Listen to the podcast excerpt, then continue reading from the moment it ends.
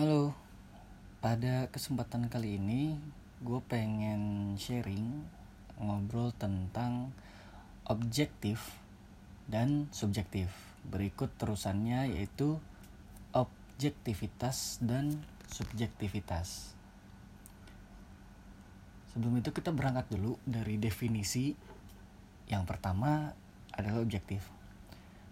Objektif itu artinya mengenai keadaan yang sebenarnya tanpa dipengaruhi pendapat atau pandangan pribadi. Sedangkan objektivitas itu adalah sikap jujur, tidak dipengaruhi pendapat dan pertimbangan pribadi atau golongan dalam mengambil putusan atau tindakan. Kemudian subjektif. Subjektif itu mengenal sorry mengenai atau menurut pandangan perasaan sendiri. Tidak langsung mengenai pokok atau halnya. Kemudian yang terakhir subjektivitas adalah penafsiran yang didasarkan pada pendapat pemahaman atau perasaan pribadi bukan pada fakta.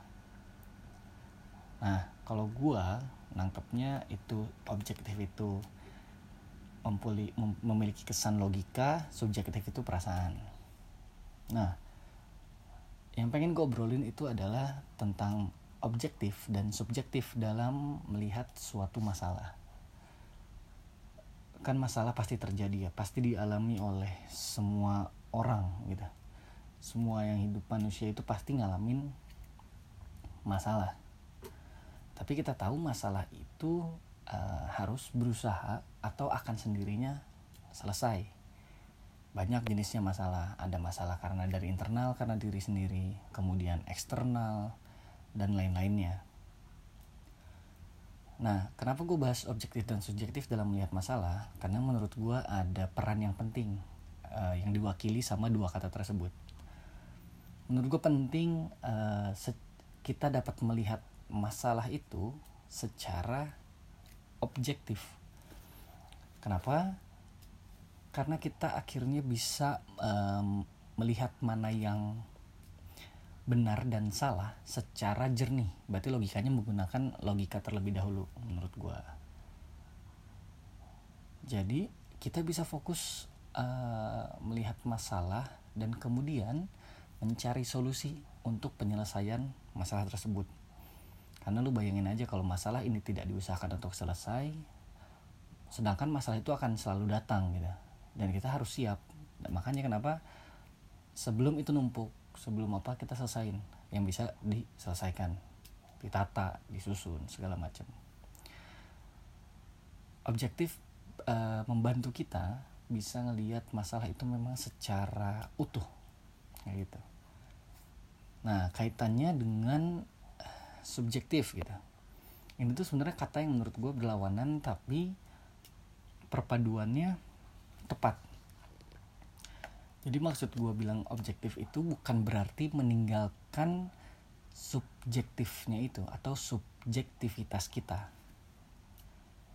Bukannya dihilangkan tapi kita mm, menempatkan mana yang uh, mana porsi yang lebih diutamakan dalam menghadapi suatu masalah. Objektifnya kah atau subjektifnya kah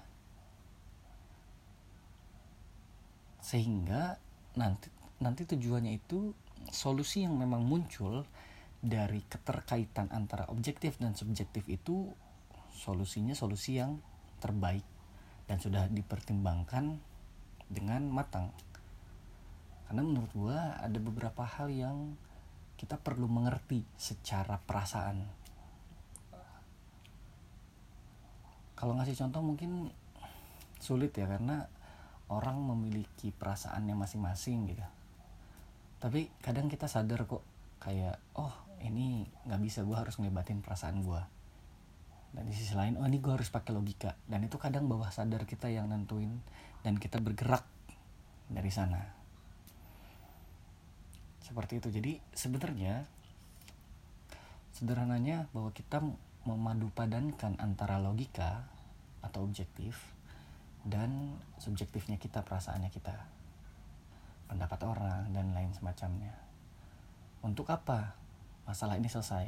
Ketika memang sudah terbiasa melakukan hal seperti ini maka bukan tidak mungkin masalah-masalah yang datang itu uh, akan bisa cepat tepat dan akurat dalam proses penyelesaiannya karena kita juga harus kan kadang masalah tuh ada yang memang punya kurun waktu ya. Kayak oh masalah ini bisa nanti selesainya ini ada yang cepat yang tepat. Nah dengan terbiasa seperti itu kita bisa menempatkan penyelesaian proses masalah pada waktu yang uh, terbaik.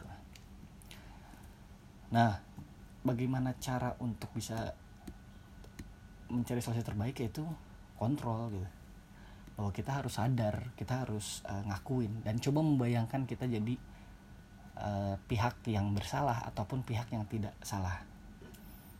Karena kan kadang susah ya mengakui kadang ya ini tuh gue salah apa segala macam itu tuh sering sering terjadi lah mau kayak gimana pun orangnya. Nah itu yang coba lu mengakui bahwa oh iya coba bayangin jadi orang yang salah kayak gimana bayangin lu yang tidak salah tuh kayak gimana pengen diperlakukan. Dan kemudian kita punya kontrol. Jadi kita tahu menempatkan hal yang tepat mana. Karena kita sadar kok ketika oh ini gue harus tenang dulu. Gue harus relax dulu. Karena kalau ngikutin emosi semuanya kebakar gitu.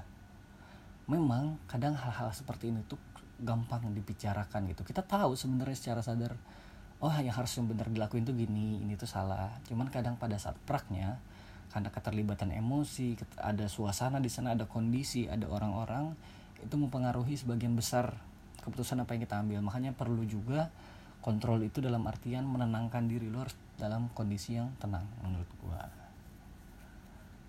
Jadi ya dengan begitu solusi dari setiap masalah yang ada itu bisa dicari dilakukan atau tidak tapi seenggaknya kita sudah berusaha menuju ke sana. Oh masalah ini solusinya ini tapi ada kendalanya ini segala macam.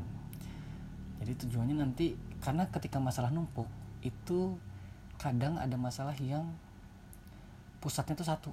Tapi karena ini satu masalah jadi berentet. Kalau lu nyelesain berentet berentetannya terus tapi pusatnya enggak itu akan terus seperti itu. Begitupun sebaliknya ketika misalnya lu uh, ngeberesin langsung utamanya dan sadar bahwa oh ini masalah utamanya ini lu bisa ngejar tuh rentetannya. Dan akhirnya masalahnya bisa selesai.